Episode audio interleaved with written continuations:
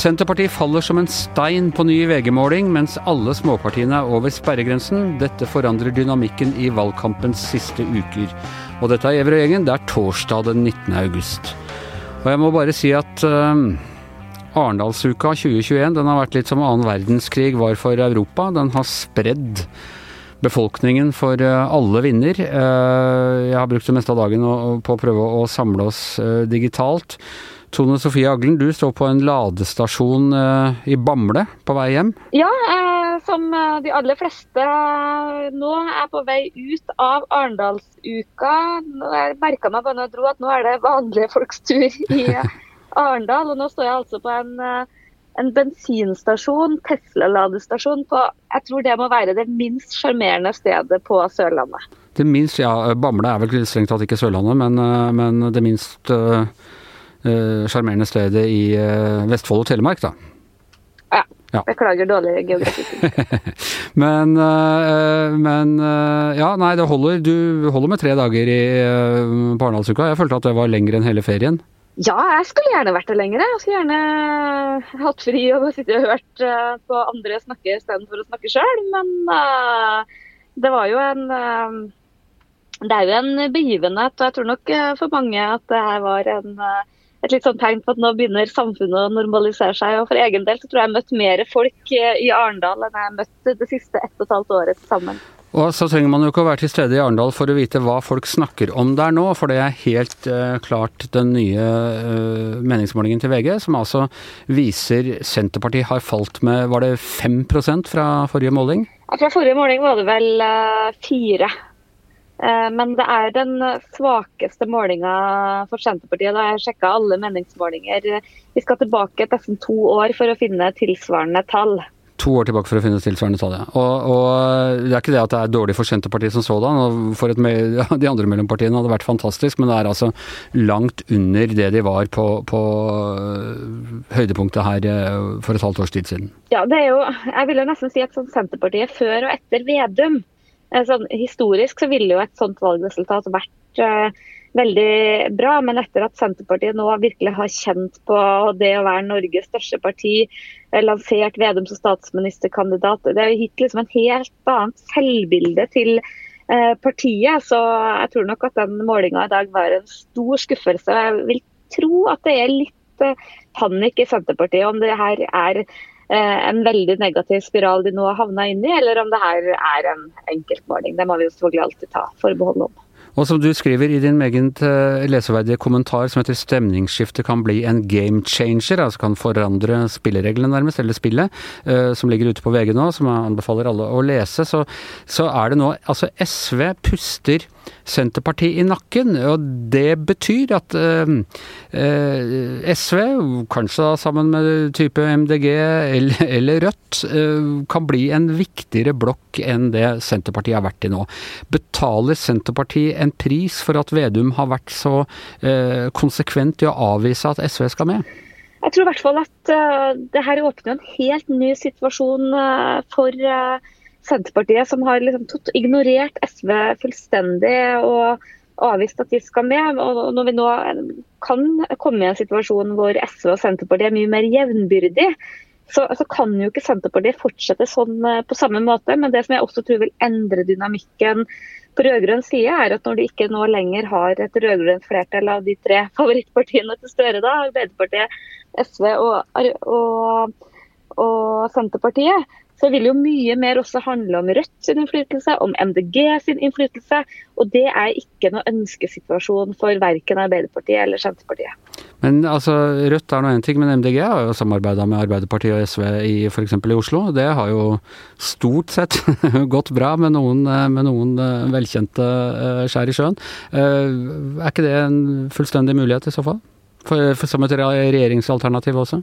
At det kan fungere bra samarbeid, kan det helt sikkert. Men det handler jo først og fremst om hva slags profil eh, partiene har. Jeg tror det er stor forskjell på å styre en, en storby eh, som Oslo og Trondheim, som de gjør med MDG, og styre eh, nasjonalt. F.eks. oljepolitikken vil jo ligge der nærmest som en avgrunn mellom eh, Miljøpartiet og Arbeiderpartiet, Senterpartiet.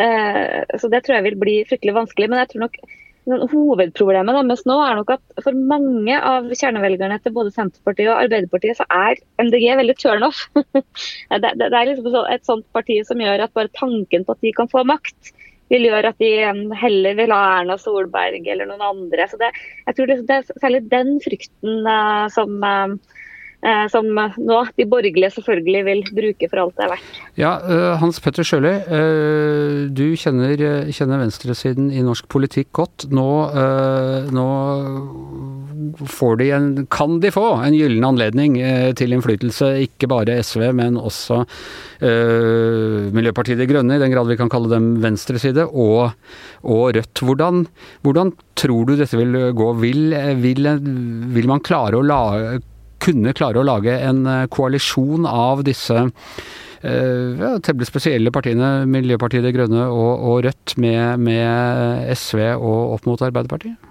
Det er jo en ganske broget uh, konstellasjon også, det. Eh, det, eh, MDG er jo et, definert seg som et blokkuavhengig parti som, som er europavennlig, internasjonalt vennlig, mens Rødt er mer sånn eh, nasjonalt i formen. og sånn, Så imellom der så ligger jo SV som en slags sånn ja, en slags middle ground for det her. da, og Jeg, jeg, bare tenker på én ting, Anders. er jo at hvis, hvis, MDG og Rødt ikke fantes, så hadde jo og, og de, de velgerne fortsatt holdt seg der de er ifølge målinga her, sånn, så hadde jo Audun Lysbakken og hans gjeng faktisk hatt opp mot 20 20 altså, så det er, jo, det er jo litt sånn eh, for så vidt for venstresida det er litt, litt synd også da, at, at de er splitta opp i, i, eh, forskjellige partier. For det, er jo åpenbart, sånn som vi har snakka om før på Gjæver at det, det blåser en rød vind over eh, landet akkurat nå. Det kjenner vi jo fra Monty Python og, People's Front of Judea kontra Judean People's Front, at ingen er mer Ingen er bedre til å splitte seg enn en, en ytre venstresiden, og jo lenger opp ut du kommer, jo flere bestanddeler blir det. Det stemmer jo, men det er jo, det er jo åpenbart at at det er velgere som går mellom de partiene her. da, eh, eh, Og i tillegg selvfølgelig Det som er viser målinga her, er jo at alle, alle siden Senterpartiet går så kraftig tilbake, så, så drysses det over alle andre partier. Men, men ut, ute på, på, på, ytre venstre så er det jo vel, i hvert fall Jeg så intervju både med, med Lysbakken og, og, og, Moxnes. Begge de var kjempefornøyde. Og det er klart, Miljøpartiet De Grønne har jo hatt en uh, skikkelig oppsving etter den, den, den rystende rapporten fra, fra FNs klimapanel. Så det er jo det er en, det er en new game in town nå. Eh, Tone Sofie, er det øh, Hvordan vil Arbeiderpartiet, tror du, forholde seg nå framover øh, mot valget? De har jo vært helt konsekvent, øh, eller Jonas Gahr Støre har i hvert fall vært helt konsekvent på å si at det ikke er aktuelt å samarbeide med Rødt. Men vil han nå måtte eh, åpne døra på klem, eller gi noen type signaler som sier at eh, Litt sentralistisk kommunisme kan vi alltid klare? Eh, det tror jeg han eh, ikke er spesielt lysten på å gjøre. Det, og det er jo det som er med det Marerittet til Jonas Gahr Støre er jo at valgkampen nå skal handle om hvilken innflytelse skal Rødt få, hvilken innflytelse skal MDG få. Og, og, Sånn sett så har de vært veldig heldige når det har vært uh, Senterpartiet som har liksom vært dem som har redda valget for Støre. Så er, det, så er det ingen, som, ingen skepsis i Arbeiderpartiet i noen særlig grad til å samarbeide med med Senterpartiet, men med Rødt er det en helt annen situasjon. og det er jo, Hvis det her får veldig mye fokus, som jeg tror Arbeiderpartiet ikke ønsker seg, så kan jo det være det jeg i min kommentar kaller en sånn slags game changer. da. Og hva med Støre og Nei, Støre sier jeg. Vedum og Senterpartiet selv. Altså vår gamle kollega Erik Mosveen, eh, som nå er i Avisa Oslo, har døpt ham for Sinnataggen. Han har liksom fra blitt kritisert for å ha ledd for mye og sånne ting, er han, er han nå kritisert for å være for sinna. Det, vi så det veldig tydelig på partilederdebatten eh, tidligere i uka. Hvordan tror du han vil takle nå innspurten mot valget? Hva vil han gjøre? Hvilke grep vil han ty til? Nei, Det er uh, ikke godt å si. Uh, Utfordringa til Vedum er jo at uh, det, den retorikken han har hatt og det han har sagt, det har funka så utrolig godt i flere år. og Det er veldig vanskelig for han nå å begynne å snu snu opp ned på sin uh, strategi.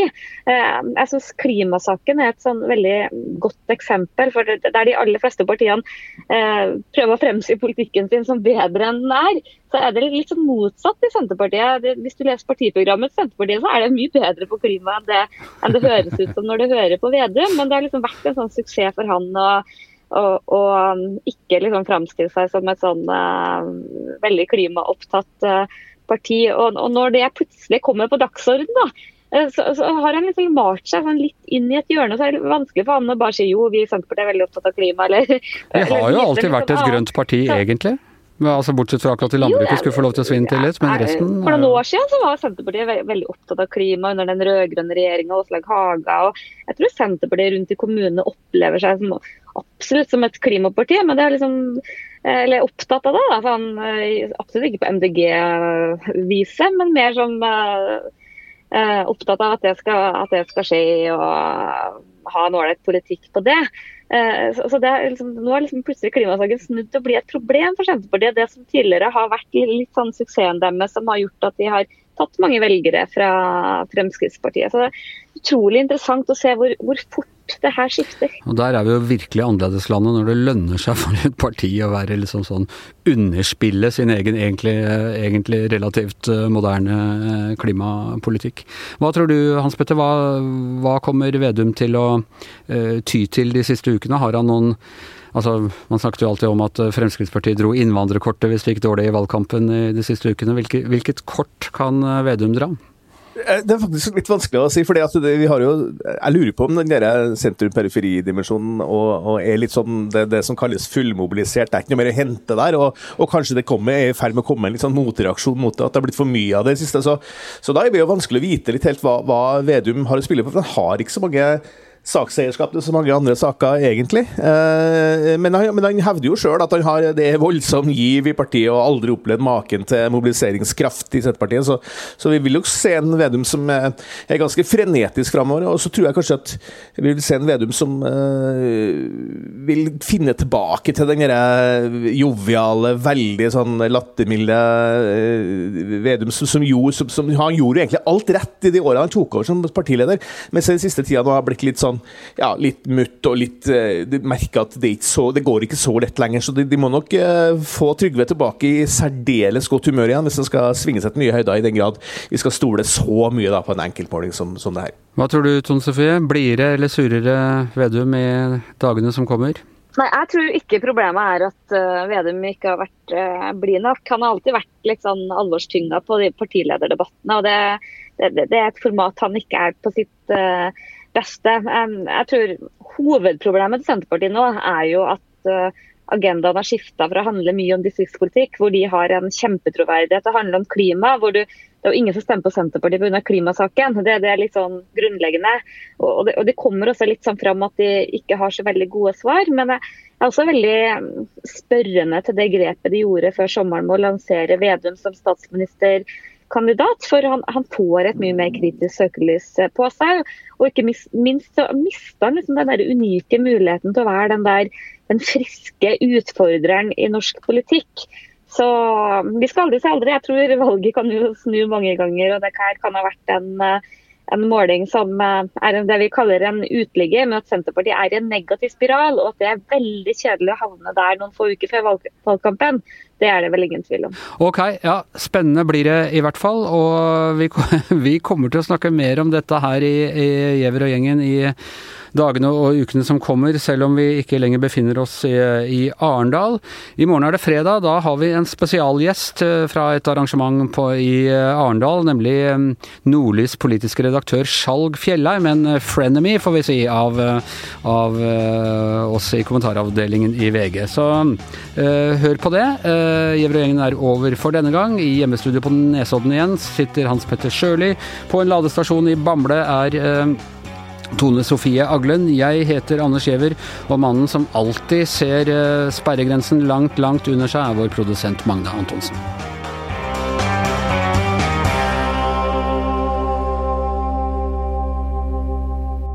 Du har hørt en podkast fra VG.